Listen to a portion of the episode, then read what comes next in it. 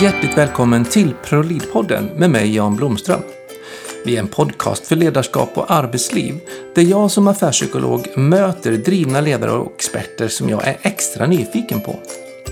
Och eh, ProLid-podden, ja, det är en del inom Prolid Academy som är ett kunskapscenter som du kan ta del av både kostnadsfria webbinarier, onlineutbildningar, vanliga utbildningar, pulser och tjänster och böcker inom just ledarskap och arbetsliv. Du hittar all information på prolead.se. P-R-O-L-E-A-D.se. Prolead.se.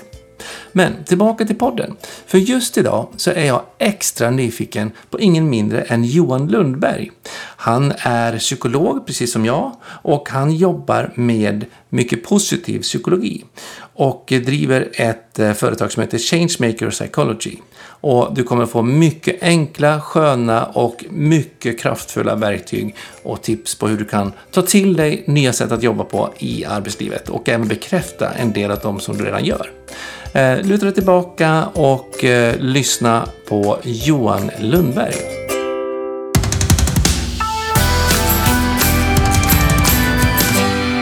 Hjärtligt välkommen till ProLead-podden säger jag till Johan Lundberg. Tack så mycket. Tack så mycket för inbjudan. Ja, det är ju spännande så här med sociala medier. Det man liksom följer varandra och man lite span och sen blir man liksom mer och mer liksom nyfiken. Ja. Och sen så vågar man sig och fram till att liksom ta lite kontakt och säga, du, skulle du kunna vara med i min podd? Och så svarar du ja. Ja, såklart. Och det är samma. Följt spännande bilder från, från de gotländska vidderna, höll jag på att säga. Ja, ja jag, jag bor ju på Gotland och utgår härifrån. Um, digitalt nästan nu, för tiden, men annars åker man ju runt en del. Men mm. du utgår ju också från en utpost och det hörs ju på rösten. Får man kalla det så? Sorry alla skåningar. Ja, exakt. Där, upprörde du ett helt län, höll jag på att säga. Nej, men det är skåning, bor utanför Malmö. Eh, kommer såklart därifrån som det hörs på rösten. Ja. Eh, bor och jobbar där nu. Och eh, vad har du för, vem är du liksom? Vad har du för background? Backgrounden är väl legitimerad psykolog i grunden. Mm. Eh, har jobbat med så, ledarutveckling, grupputveckling, individutveckling i lite mer än tio år nu. Sverige internationellt. Men, men det som kanske kittlar eh, ditt intresse denna gången var väl eh, att du gör det mycket utifrån så positiv psykologi, mm. positiv grund. Använder verktygen från positiv psykologi i, i det arbetet. Vilket verkar vara eh, superintressant för många just nu. Ja, och den är lite mer lättillgänglig tänker jag. Och för alla er som lyssnar också, att höra oss två psykologer stå och sitta och gagga så här, det är intressant. Men eh, jag gillar ju också, jag är utbildad, jag ska säga, jag, jag är född och uppvuxen uppe i Dalarna, så jag är dalmas, bor på Gotland, men jag utbildar mig i Norge. Så jag har norsk psykologutbildning och där är den positiva psykologin ganska så stark. Mm. Exakt. Och sen när jag kom flyttade hem till Sverige så, så var det liksom ingen som pratade om positiv psykologi förrän jag träffade på Greta Greta, åh, nu tappar jag namnet bara för det, sorry, nu ska jag oförskämt här också, men i alla fall en kollega ja. i Stockholm som eh, pratar en del om det där. Ja. Eh, vi satt med i styrelsen på Psykologkonsultföreningen en gång i tiden tror jag. Men eh, sen har det inte varit så jättemycket synligt och så började man se att du pratar ju om det hela tiden. Så tänkte jag, men mm. åh, tillbaks till rötterna lite grann. För det, sånt sätt är ju ingen superny forskning och, och kunskap kanske. Men Nej. den har sina sköna färska ja, inslag tror jag. Absolut, jag tror att det har hänt ganska mycket. Som du säger att det ja, är ny forskning? Det är ju ganska många år på nacken. Mm. Men jag tror det har tagit ganska stora steg. Men också precis som du säger, jag tycker att positiv psykologi eh, är relativt okänt i Sverige.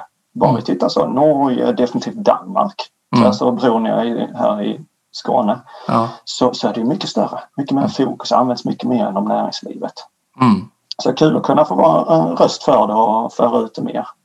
Ja, och det är hemskt nyttigt. Och i den norska kulturen också så att om man då söker chefer eller lite nyckelpersoner i näringslivet så då annonserar man gärna efter sådana i psykologtidningarna till exempel. Då när man gjorde det i tidningsformen, i alla fall när jag bodde där. Mm. Men eh, i psykolog Sverige så är man ju liksom psykolog nästan alltid en terapeut som jobbar med, med sjukdom.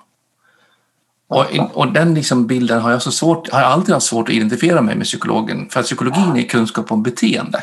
Mm. Och positiv psykologi, som jag ser i alla fall, är ju liksom verkligen det som kan lyfta det positiva beteendet och, och måendet. Mm. Ja, men jag tror vi, vi psykologer har väl ett litet imageproblem i, i Sverige. Mm. Just det här att man skulle aldrig liksom ställa sig upp i, i matsalen och basunera ut så här, men jag ska gå och träffa en psykolog. Alla kollegorna hade ju direkt sagt oj, vad, vad, är det, vad är det som har hänt? Vad är problemet? Så där. Mm. Eh, men absolut, vi har jättemycket att ge på det, på, på det positiva området också. Ja. Eh, när jag flyttade till, hem från Norge så flyttade till en lite mindre samhälle, en lite mindre by. Och då var det alltid ett trauma när det kom en psykolog till byn. Så att det är fascinerande hur byn liksom lyckas akklimatisera en psykolog. Och det är liksom att vara med då i revyn på den lokala heter byrevyn. Tre år, ja. Första tre åren så var jag en del av numret där uppe. Hur man gick till psykologen eller inte gjorde och så. Och jag var så provocerad, för jag var ju också bilden av när man fick höra att jag kom hem med psykolog, liksom, jag var jätteglad för det. Och så, nej, har det gått så illa för dig? Liksom den attityden. Så mitt första bolag hette Psykologgården och så hade jag en stor skylt på hela väggen på företagshuset i den lilla byn jag var. Ja. Folk parkerade då på andra sidan och så gick de till mig. Men de vågade inte stå under skylten. Ja. Och, och så positiv psykologi kommer ju mycket från den, den reaktionen om man säger så. Mm. Att, att om vi tittar längre tillbaka så har ju den positiva psykologin varit mycket större men att ungefär kring andra världskriget så blev det ett helt annat fokus. Vi försökte mycket mer ta hand om psykisk ohälsa, identifiera problem, ta fram strategier för att hantera det och så vidare. Att det blivit mm. det, på något sätt sjukdomsmodellen eller problematiseringen som är, som är det vi jobbar med. Mm. Eh, men nu så, det vara, 20-30 år så ser man en helt annan liksom, tillväxt på det positiva området. Jag tror tänker så alla som lyssnar nu och jobbar som chefer eller är aktiva liksom i arbetslivet och sånt där. Om de liksom bara ska, om du förklarar för dem enkelt och tydligt, vad, vad är positiv psykologi för dig? Positiv psykologi är, det är den gren inom psykologin som fokuserar på allt positivt i livet och med oss människor. Det är den absolut enklaste beskrivningen. Mm. Så allt positivt som, som lycka, eh, välmående, eh, kreativitet, optimism, alla sådana delar. Det, det är det positiv psykologi fokuserar på. Mm. Så det är någonting som borde vara hemskt lätt att egentligen ta in och applicera ganska medvetet och strategiskt kanske på en arbetsplats. Ja, och, och vad jag tycker är en av styrkorna är just att det är mycket lättare att komma igång med det. Man kommer inte in som, som en kritisk granskare eller ska problematisera utan man kan verkligen komma in som en så stöttande coach och verkligen ge verktyg för att bli ännu bättre. Mm. Och du nämnde liksom det här med, med liksom lyfta det positiva, innan vi går in på det som de konkreta detaljerna, men liksom att lyfta det positiva. Eh, och, och, och liksom få, man pratar ju gärna om att man ska liksom trivas på jobbet. Mm. Man ska ha en arbetsglädje. Många som åker runt och föreläser om just vikten av arbetsglädje. Mm. Eh, och då nämner man ingenting om positiv psykologin. Vad, vad, vad ser du en skillnad på det eller är det exakt samma sak? Man kommer kanske från lite olika idétraditioner. Sen när man kommer till, om vi säger verkligheten, hur man applicerar detta på sitt jobb. Jag skulle säga att det är kanske inte jättestor skillnad. Ehm, um, positiv psykologi, ja men det handlar om hela livet så att säga. Snävar vi in det på jobbet, ja men då har man alltid detta fokus att lycka på något sätt kanske inte alltid slutmålet. Utan det är de effekterna lycka eller de här positiva känslorna ger. Mm. Vad händer när vi känner mer meningsfullhet på jobbet? Vad händer när vi är lyckliga på jobbet? Mm. Att eh, steget därefter, liksom tydliga koppling till arbetsprestation och så vidare. Mm. Eh, så det kanske det positiv psykologi stannar inte vid att vi ska vara lyckliga eller vi ska känna mening utan tar det ett steg till. Varför ska vi göra det och vad är effekten av det? Precis, för att när jag är ute och jobbar så ofta så möter man det här med liksom att ja, vi måste trivas på jobbet. Mm. Ja, men, och då brukar jag jämt tänka så här, liksom att ja, men det är aldrig de själva mål att trivas på jobbet. Mm. För då är vi liksom i mål när jag trivs. Sen om vi producerar något eller inte blir liksom oväsentligt. Ja, men jobbet har ett existensberättigande, det är någonstans att vi ska få en effekt. Och då behöver man ju trivas för att kunna få den effekten. Så det är verkligen som du säger, vilken effekt får vi av att vi har den här trivseln och sammanhanget? Liksom?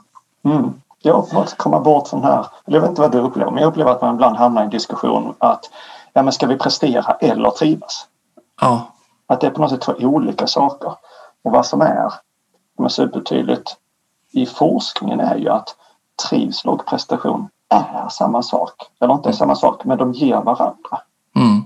Och lyckoforskning är ju supertydlig. Alltså, ju, ju lyckligare vi är på jobbet desto bättre presterar vi. För att lyckan ger oss bättre förutsättningar för att samarbeta och vara motiverade och så vidare. Mm. Men det är just kopplingen till det vad vi kallar utfallsmåttet, liksom effekten mm. som vi är ute efter. Jag, eh, jag titulerar mig som affärspsykolog när jag är mm. ute. Ja, det låter bra. Och för mig blir det liksom att fusionera psykologin och businessen. Alltså psykologin är kunskap om beteenden, alltså hur vi beter oss, mm. ihop med vilken effekt det är vi uppnår, själva mm. businessen. Eh, och det är egentligen precis det vi säger. Ja, absolut. Jag, jag tror vi skolade det ganska lika. Eh, ja. Hela ledarskapsbiten och så vidare. Att något sätt, vad är syftet med organisationen? Det är att tillverka en viss produkt eller tjänst eller ett visst utfall. Mm. En del av forskningen eh, pratar ju mycket om att man ska ha det positiva känslotillståndet. Mm. Eh, att man behöver ha en hög grad av engagemang. Mm. Att man har sunda relationer. Och att man finner mening i det man gör. Och att ja. man är framgångsrik i det man gör. Så att man inte alltid misslyckas. Så att man också får någon effekt. Eh, exakt. Det, låter som, det är den här modellen PERMA som jag antar att du pratar om. Ja. Ja. Det, och det är en av de mest centrala modellerna i positiv psykologi. Mm. Som en av sätt grundarna Martin Seligman kom fram till. Jag tycker den, den sammanfattar definitivt det mest viktiga så att säga. Ja, för det är liksom de mest centrala delarna mm. liksom. Mm. Um, man, om man skulle utmana den bilden lite grann, är det någonting som... Hur tänker, hur tänker du kring det? Man ska liksom se den ur ett annat perspektiv. Ja, det finns ett par olika. Dels vad man pratar mycket om idag är att, att de här positiva känslorna, engagemanget, relationerna, eh, meningsfullheten och att, att lyckas. Att man behöver lägga till till exempel hälsa. Mm. Vi vet hur viktigt det är.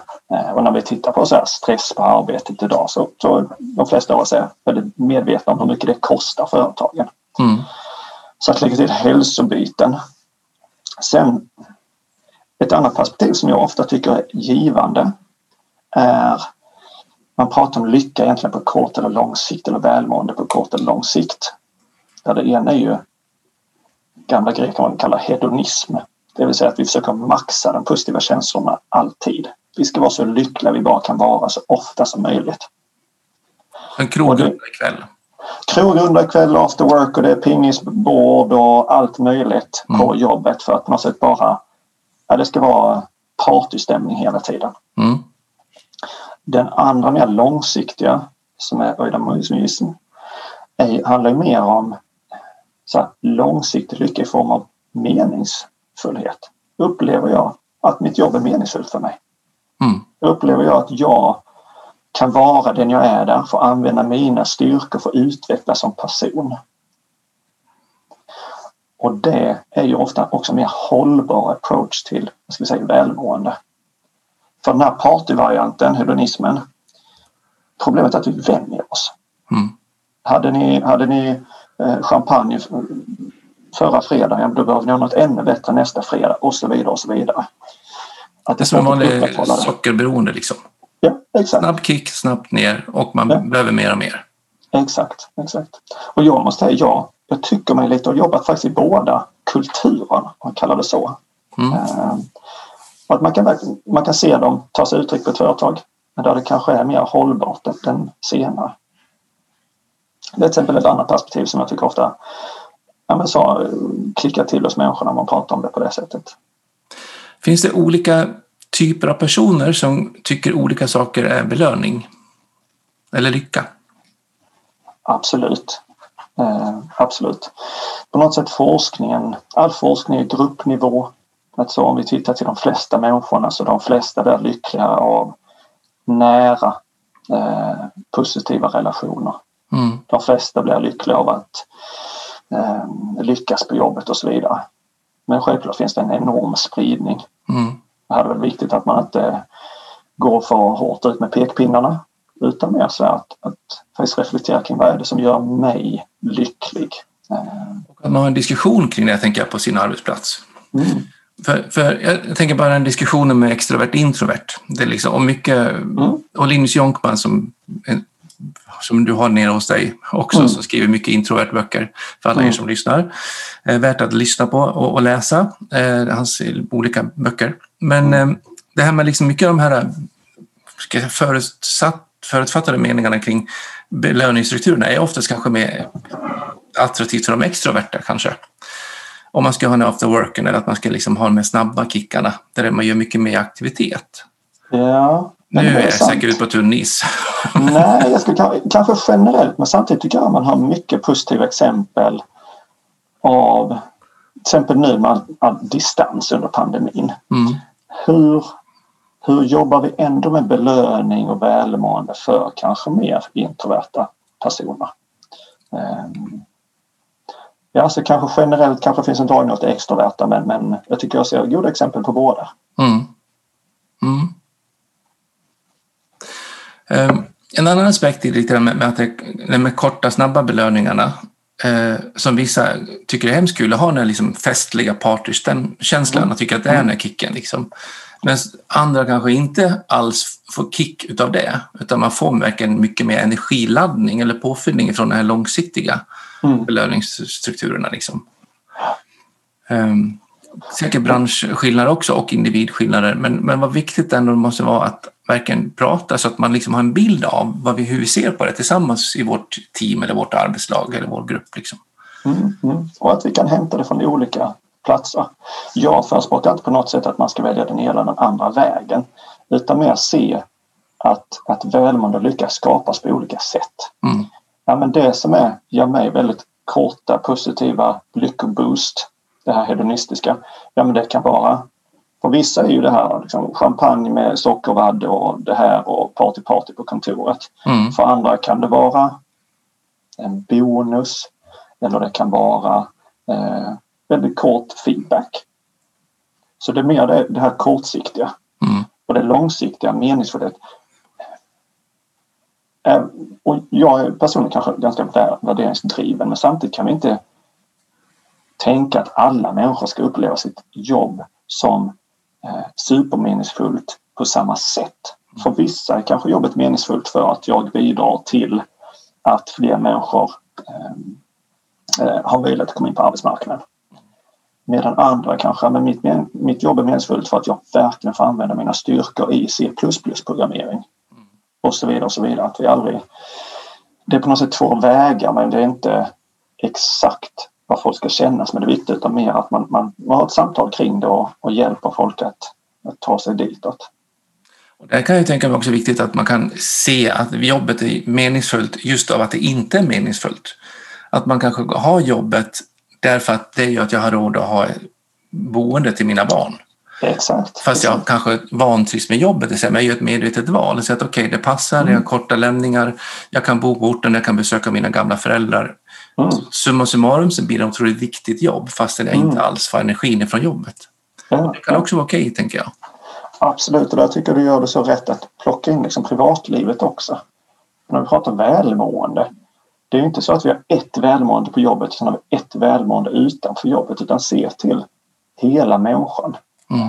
Och en sån lyckoforskning visar att, att, att så lyckliga vi är på fritiden det påverkar hur lyckliga vi är på jobbet och vice versa. Mm. Effekten liksom spiller över så att säga. Så bara att se människor som människor, inte olika roller. Nej, för jag tänker också, du jobbar också mycket med coachning och det gör jag också. Mm. Eh, och man ser också många, i alla fall jag, med att man sitter och har så många otroligt lyckliga, framgångsrika, perfekta karriärspersoner som är så otroligt olyckliga och vilsna i sin, sin själ och i sin person. Mm. Och det där måste man ju också verkligen våga, som, som chef och ledare tänker jag, våga också möta personen och det är inte kanske mm. alltid så enkelt. Man blir bländad av den här perfekta, liksom, du har allt-känslan liksom, och ska vara lyckligaste personen i världen. Ja, och det är många som går det är många som går med det, vad ska jag säga, skalet. Alltså, många ser mig som så framgångsrik. Men jag upplever inte mitt jobb kanske som meningsfullt eller jag får inte ihop det med mitt privatliv och så vidare. Mm. Absolut. Och priset blir för högt liksom. Man betalar för högt pris för att kunna ha den tillvaro man har kanske. Ja, jag tycker det är till exempel psykologisk trygghet som vi pratat nu om i ett par år. Mm. Att det sätter fingret så, så bra, både psykologisk trygghet och tillit, att vi måste våga kunna lita på varandra. Cheferna måste kunna öppna upp för de samtalen också. Mm. För då får vi medarbetare som trivs, mår bra och stannar kvar. Eh, istället för ja, hoppar av eller eh, inte mår bra och inte kan prestera som, som vi behöver. Mm. Jag tänkte, du nämnde tidigare det med att man, ehm, eh, ha, att man blir hälsa och, och, att man blir sjuk, att det kostar pengar att vara med ohälsa. Mm. Så är det ju dels att man är hemma sjukskriven såklart. Produktionsbortfall kostar ju massor. Mm. Men framför allt så ökar man ju både liksom brist på produktion totalt, man blir en dålig arbetsmiljö för sina kollegor för att de får oroliga och det blir en dålig stämning kanske. Mm. Eh, vilket gör att man inte riktigt gasar i botten på samma sätt och har samma uthållighet. Mycket högre personalomsättning vilket gör att man mm. har rekryteringskostnad och tapp i produktion medan man kommer in ny. Mm. Så det är så många kostnader förknippat till hälsodelen. Mm, absolut. Ja, det, det är nästan inte så att man tror siffrorna när man lyfter upp de här större rapporterna. Eh, men jag tror att många av oss ser ju när vi är ute och träffar företag eh, hur, hur, stor negativ påverkan det har, stress och mm. ohälsa. Ja, verkligen. Spännande. Eh, om man då ser lite grann nu på, för, för alla som lyssnar, nej, inte alla som lyssnar. det är bara oss. nej, det är bara hälften. Uh, nej men liksom, vad, vad är det som tar, det ett annat spår jag skulle in på, sorry. men liksom, vad, vad, är det som tar död på det här? Liksom? Okay, vi är kanske på väg att börja lyfta lite grann, vi har lite fokus på positivt och sen så kommer så här, så här kortsluter. Vad är det som tar död på liksom, den positiva psykologin, som du ser? Um, på något sätt så, så här vill jag ändå så betona fokuset i positiv psykologi och det är ju att man faktiskt inte fokuserar så mycket på den delen. Vad är det som blir fel eller vad är det som brister eller vad är det, vad är det som händer när någonting börjar gå fel? För det är ju den traditionella psykologin och där jag tänker att styrkan i det positiva är ju att vi så, inte att vi ska hoppa över problemen utan att det man fokuserar på är hur bygger vi styrkorna. Mm. Men jag ändå ska säga kanske någonting, ledarskapet är ju enormt viktigt. Och det, det har vi vetat länge men ser vi kring att få en, en positivitet eller bygga en positiv organisation, positiv eh, stämning i en grupp.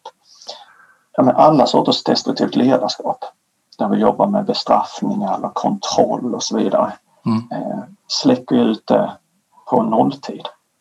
Vi vet ju hur, hur kraftfullt så att säga destruktivt ledarskap är. Men medarbetarna, det de levererar håller ju inte måttet. Jag måste ju kontrollera dem.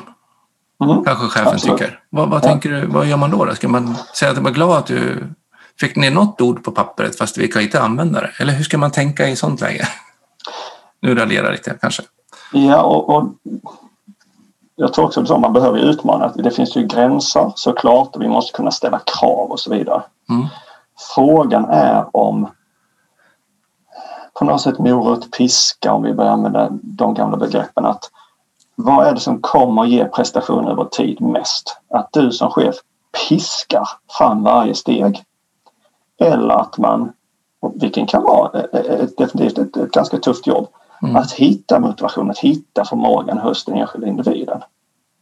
Så absolut, det som rapporten till fredag, ja det kommer du kunna piska fram. Mm. Men så kan vi inte ha vårt ledarskap att vi ska driva prestationen i gruppen alltid, år efter år. Mm.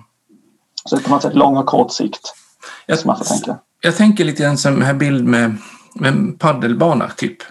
Att innanför mm. för, för liksom gränsen, innanför staketet på paddelbanan, där mm. spelar vi paddel. Men utanför ja. så, så snackar vi skit över träningsväskan. Liksom. Ja. Eh, och på en arbetsplats så brukar jag tänka lite grann så här i alla fall att liksom, okay, innan, att vi gör en kontrakt någonstans på att vad, vad, inom vilken ram ska jag behandla dig med positiv approach. Mm. Mm. Så att förhåller man sig innanför spelplan så får vi, då kan du liksom göra hur mycket typ fel som helst för då lyfter mm. vi och fokuserar på det positiva för att mm. stärka. Men om du är utanför ramen, när du går in på grannbanan och börjar spela, då säger jag nu, är, nu slutar jag att vara positiv, nu bara tar jag det i örat och lyfter in dig. Typ. Ja, för då får alltså... du friheten där du kan vara positiv men ändå bli hemskt tydlig så att medarbetarna också vet och kan förutspå när kommer man få kanske den här tillrättavisningen. Så att inte mm. man får den slängt tillbaka, för det kan jag uppleva många chefer får ibland. Ja, men du som skulle vara så positiv, varför skäller du på mig nu? Mm. För att det blir liksom oklart, på, är vi på banan eller är vi på gräsmattan utanför eller är vi på en grannebana? Liksom. Mm. Och jag tror inte man ska blanda ihop positiv psykologi med någon slags eh, myspys, alla ska vara glada grej. För där självklart finns det ju såklart samma behov av tydliga roller, tydliga mandat, tydliga förväntningar. Eh, alla de vanliga saker vi vet krävs mm. för att man ska lyckas på arbetet. Utan kanske handlar mer om, som du säger, när man är på banan, att ja, men hur, hur trivs vi som bäst? Hur samarbetar vi som bäst? Hur mm. är jag som mest eh, liksom lycklig på jobbet? Mm. Så, så paddelbanan var en bra liknelse. Ja, så mer paddelbana på jobbet med andra ord. Både bildligt och fysiskt kanske. Exakt. Belöningsstruktur i alla fall. I här måste du erkänna Jan att jag måste vara en av få i Sverige som fortfarande inte spelat paddel.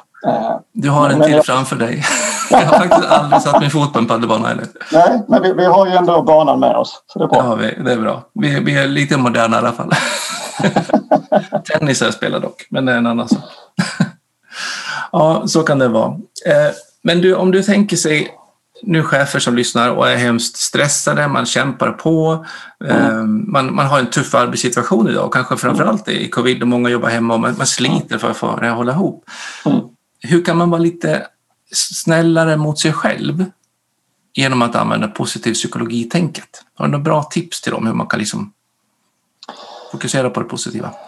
Absolut. Ehm, och detta är sånt som jag föreläser mycket om för tillfället. Just här, men hur kan vi hjälpas under pandemin med, med alla dessa utmaningarna? Mm. Jag tycker att kanske det är ett av de absolut enklaste eh, tipsen och det som folk verkar uppskatta som mest. Det är att, att öva tacksamhet. För på något sätt så upplever jag alla de här negativa effekterna. Det är mm. distans, det är inställda projekt, eh, vi, vi får inte stå och snacka vid kaffemaskinen som förut. Man sitter vid sitt improviserade hemmakontor på köksbordet där hemma. Mm. Um, inte mycket att vara tacksam för där. Eller är, finns det kanske inte det? Att vi människor, vi har mycket lättare för att uppfatta eh, negativ information. Mm. kallas negativity bias. Så vi ser problem mycket tydligare och det, det har varit vettigt evolutionärt sätt. Det har varit viktigare att se hoten i vår omgivning än att se hur vackert landskapet är till exempel. Men för att bara ge sig själv lite mer energi för att bygga på något sätt en buffert mot det här negativa så ser man att det är väldigt värdefullt att aktivt uppmärksamma det positiva som ändå finns i livet just nu. Mm. Om det handlar om jag har ingen pendlingstid så jag får mer tid med familjen. Mm. Eller att eh, jag äntligen blir tvingad till att lära mig Zoom och Teams och allt vad det nu heter. Mm.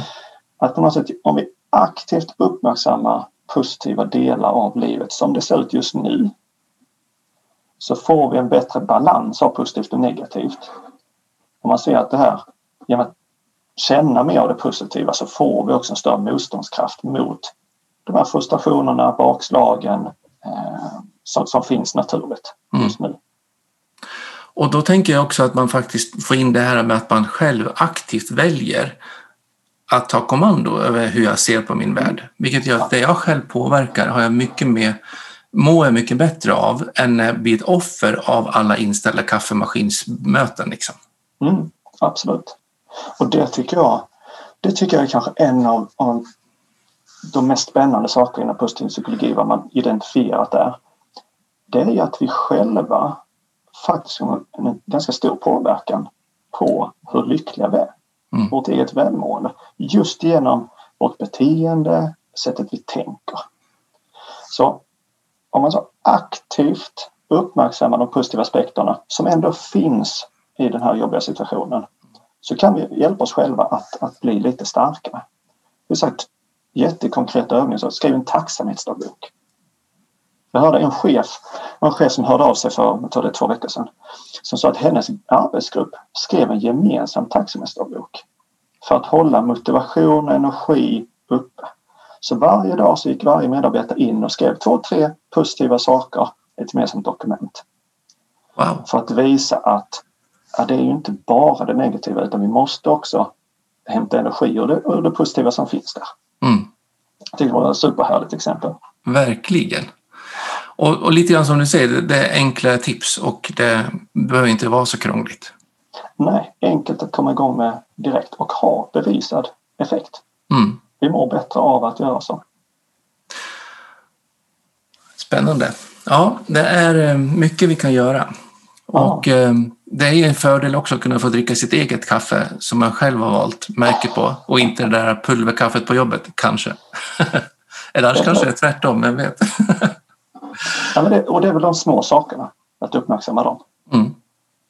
Absolut. Um, jag tänker också att det är många som är ute och går och ibland så hör man lite sådana kommentarer på att ja, men, alltså man, man, eh, man har tröttnat på att gå ut och gå. Men det är ganska många som ändå är ute och rör sig på ett sätt som man inte gjort förut. Man faktiskt antingen bara blir att göra eller kanske medvetet säger att nu vill jag faktiskt använda en del av min tid som jag då får över, slippa pendla, till att göra det. Och i alla fall som jag är van att jobba så är det ju de här medvetna valen som skapar ännu större effekt. Det är som ett turboaggregat nästan på, på effekten. Eh, så att man inte bara gör de där sakerna som ändå är lite positiva, utan verkligen som du säger, skriv ner, ta ställning och bedöm, sätt en skattning nästan på hur pass positiva är de. Mm. Så att jag verkligen blir supermedveten om det. Mm. Och att Ja, jag just den reflektionen verkar vara så viktig Ja, för att verkligen få effekten. för att eh, vi har ju så mycket saker som eh, vi kanske inte skulle vara så glada för. Samtidigt så är minsta nivån som vi har i svenska arbetslivet är ju oändligt mycket högre än i många andra, både regioner i världen och helt andra förutsättningar. Mm. Och du sa också det här med att det hjälper en att, att bli lite lyckligare själv. Så det är egentligen aldrig någonsin som någon annan kan göra mig lycklig. Det skulle jag absolut säga att de kan. Min, min fru köpte en semla till mig på semmel, semmel eh, tisdagen. Jag blev superlycklig kan jag säga. Det, det är för du, faktiskt ett av du de... kunna ta emot det, tänker jag då. Ja, Jag har en bekant som faktiskt dessvärre tog livet av sig för ett tag sedan. Här för någon månad sedan. Eh, och hade egentligen hemskt mycket positiva folk runt sig som verkligen älskade och tyckte om. Mhm. Men det fanns liksom inte möjlighet att ta emot det av olika anledningar. Mhm. Mm. Och då tänker jag att det är ingen annan som kan göra någon lycklig ur den aspekten i alla fall. Sen kan man absolut bli glad för semlan, det skulle jag också bli. ja. Ja, ja, men det, vi får Ja. se vad man tänker. Och såklart finns det ju här såklart finns det ju sådana situationer, psykisk ohälsa och så vidare, men generellt varför, varför kämpar vi så mycket under pandemin? En väldigt stor del är det sociala. Mm. Att till exempel hjälpsamhet Mm. i grupper. Eh, hjälpsamhet kollegor emellan. Eh, jag, jag ställde en fråga på en föreläsning jag hade. Alltså, vad, vad är lycka för dig? Eh, och detta var ju i en arbetssituation då, eller det var för ett företag. Mm. Eh, jag tror att kan ett åt, nej, inte 80, men 50 procent svarade hjälpsamma kollegor, härliga Mm. kollegor. Ja. Att vi är så viktiga för varandra. Och det här med ingen kan hjälpa dig att bli lyckliga, men att hjälpa någon annan är ett av de mest effektiva sätten för att själv bli lyckligare. Mm. Men också att, att få hjälp av någon annan visa på socialt stöd, en omtanke som också sprider lycka och välmående. Mm. Så verkligen nu i dessa tider, kanske mer än någonsin, verkligen fokusera på det här positiva samarbetet, kontakten kollegor emellan, hjälpsamhet, omtanke. Och gör man då en tacksamhetsbok där man talar om för sig själv att jag är tacksam för att jag tog emot den hjälpen och supporten, då gör jag också ett medvetet val och blir mottagligare Mm, att få det. absolut. Ja, spännande. Om man nu som chef vill eh, liksom lyfta det här på snäpp med sin grupp, sin personalgrupp, Mm. har du några bra tips till dem? Om de ska sjösätta det här imorgon? Om vi sjösätter detta imorgon så för det första börja, börja prata om välmående. Börja prata om att arbetet faktiskt är en ganska stor källa till hur lyckliga vi är och hur meningsfulla vi upplever livet. Eller hur meningsfullt vi upplever vårt liv. Mm. Att när vi pratar välmående på jobbet så, så ska vi kanske inte sluta vid nollpunkten så att säga. Att, men när, när ni har nått upp till att inte lida av stress eller mobbing eller något annat, ja, då är vi färdiga. Åh, oh, vad tråkigt kände jag.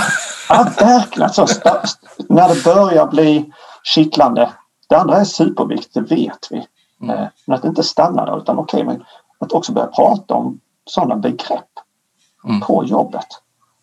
För det är ju sällan vi tänker på men hur lycklig är jag, men hur har jag det på jobbet? Mm. Men det är en väldigt stor del. Så För det skulle jag säga är det absolut första. Bara. För det tänker jag liksom också mot, eh, mot mycket skyddsombud och, och den, hela den arbetsmiljölagstiftningen som vi har, den är med att skydda så att vi inte får en, en negativ mm. noll och neråt i, i mm. vår arbetssituation. Men vi pratar inte så mycket som du säger om hur ska vi från noll och uppåt. Nej, nej. Och idag när vi har sån konkurrens om topptalanger och, och profilerar som eh, arbetsgivarvarumärke och så vidare. Mm. Så viktigt är att kunna ge det bidraget. Vi spenderar åtta timmar per dag, de flesta av oss, på jobbet. Ja, men hur bidrar det till mitt liv? För om jobbet bidrar till mitt liv, ja, då kommer jag också lyckas bättre på jobbet. Mm. Så på något sätt bara börja ha diskussionen. Mm. Sen skulle jag säga att eh, var, var en förebild visa den här tilliten, eh, ge förtroende, eh, bygg hopp och glädje. Mm. För det behöver vi väldigt mycket just nu såklart. Så även om det är pandemi så kommer det att gå över? Typ så att man ger den där positivare inriktningen någonstans? Ja, på något sätt. Vad är det som är positivt nu? Okej, men vilka möjligheter finns det framåt? Mm. Om vi kan känna större optimism och hopp inför framtiden då tar vi oss också an arbetet framtiden på ett kanske mer konstruktivt sätt. Så jag skulle säga ett aktivt arbete med det. Ehm, jag är en stor anhängare av ett styrkefokus. Styrkebaserat förhållningssätt till, till ehm, egentligen våra medarbetare och arbetsgrupper. Att vi är ju jag vet inte vad du tycker. Jag tycker att vi ofta är nästan fanatiskt inriktade på våra utvecklingsområden, komma utanför vår comfort zone, allt det här. Mm. Jag vet inte vad du, du tycker, men upplever att det är ett väldigt stort fokus på det. Ja, man ska absolut förverkliga sig själv i alla möjliga sammanhang och så ska man aldrig göra det man är bra på och mår gott av. Ja. Och det, nu ska jag förklara varför jag sa det för er som lyssnar också. Jag jobbar som, i grund och botten i min barndom, höll jag på att säga, så är jag neuropsykolog. så jag har min specialistbehörighet inom det för tider. Eh, och då vart det också när jag jobbade inom den typen av verksamheter så blir det så otroligt påtagligt att man alltid ska träna bara när man inte mår bra med och är dålig med. Exakt. Och man får aldrig bara vara och vila i det jag faktiskt kan good enough. Mm. Ur den aspekten så var det, gav jag svaret till dig nu. och, och njuta av det vi är bra på. Mm. Och på något sätt, om vi får använda våra personliga styrkor, det är jag absolut bäst på på jobbet. Mm. Ja, då är jobbet dels mycket, mycket härligare. Alltså så, jobbet flyter på lättare, eh, kan känna glädje, kanske till och med hamna i flow mm. och så vidare. Eh, men också så ser man att man upplever det kanske mer meningsfullt. För om jag får använda mina styrkor, det jag är som bäst på, ja men då är jag på något sätt också mer autentisk eller mer mig själv i min mm. arbetsroll. Mm.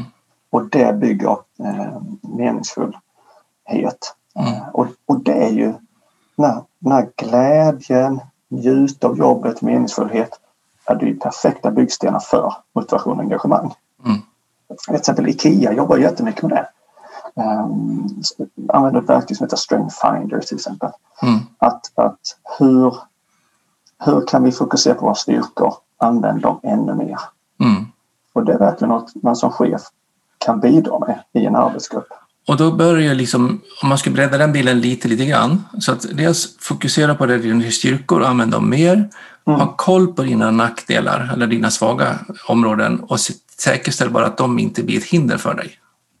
Mm. Så att de försvårar. Absolut, absolut. Så att man får kanske ibland träna upp dem en aningen så att de i alla fall blir hjälpligt och inte blockerar mig. Men det är inte där jag ska lägga krutet. Nej, och i alla fall lägga lagom mycket krut där. Ja. För, och det är också väldigt naturligt mänskligt att, att fokusera på utvecklingsområdena. Men att vi kanske ska lägga krutet 50-50 i alla fall. Mm. Och inte kanske 80-20 som det är idag. Nej, faktiskt. Ja, och där finns nog så på en, på en mer strukturell nivå Mm. mycket att göra. Man har ju pratat om strength-based assessment exempel länge. Mm. Eh, Att också använda det i rekrytering. Spännande. Mm. Jag brukar ofta prata om vikten av att tomglo.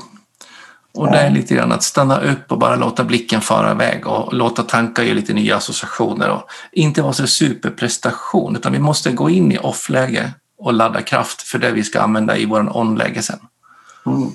Och det är lite grann också som du säger, att gå in och få vara i det jag är bra på, där jag bara kan jobba på utan att göra så mycket. Jag behöver inte alltid överprestera utan då räcker det ganska bra. För jag kan det ju bra. Ja, det kommer av sig själv på något sätt. Ja. Mm. Och då är man rustad sen när man ska ut på scenen också och ska liksom leverera i skarp, skarpare läge kanske. Och kämpa med, med det här som är mindre lätt för en. Mm. Så absolut, det blir på något sätt en, en plats för vila eller återhämtning också. Ja. Mm. Spännande. Hörru du, jättemycket spännande resonemang och jag hoppas att många lyssnare också tar till sig en del av dina tips nu och verkligen sjösätter dem redan imorgon eller redan idag Mm. när de lyssnar. Om man vill veta mer om dig och få prata med dig eller anlita dig och sånt där, var får man tag på dig någonstans? Eh, LinkedIn är såklart enkelt och där brukar jag dela en del eh, ja, tips och övningar och så vidare från, från positiv psykologi. Ja, Eh, min hemsida såklart, changemakerpsychology.se eh, kan man kontakta mig. ja. Sen också det här lättillgängliga, enkla övningar och så vidare så, så kör jag faktiskt Instagram. Eh, och då är det där vi, vi fick kontakt faktiskt. Eh, psykologen Johan. Där jag försöker dela kanske mer de här konkreta övningarna att göra med sin arbetslag eller eh, själv som privatperson. Mm. Så in och följ psykologen Johan och sök upp på hemsidan och sök på LinkedIn. Absolut. Suveränt. Stort tack för att du ville vara med. Tack själv då. Tack Ja. själv. Det var ett härligt samtal. Jag hade gärna pratat minst lika länge. Är, när man får prata om så här härliga saker då springer tiden. Ja, men verkligen. Ja, suveränt. Tusen tack. Tusen tack. Hej. Om du gillar avsnittet, ge då tummen upp och följ oss så blir vi jätteglada. Och passa även på att följa oss på LinkedIn, Instagram och Facebook. Både när det gäller ProLead och mig själv, Jan Blomström, ja, så lär vi ju faktiskt känna varandra ännu lite bättre. Ta hand om dig så hörs vi vid vårt nästa avsnitt.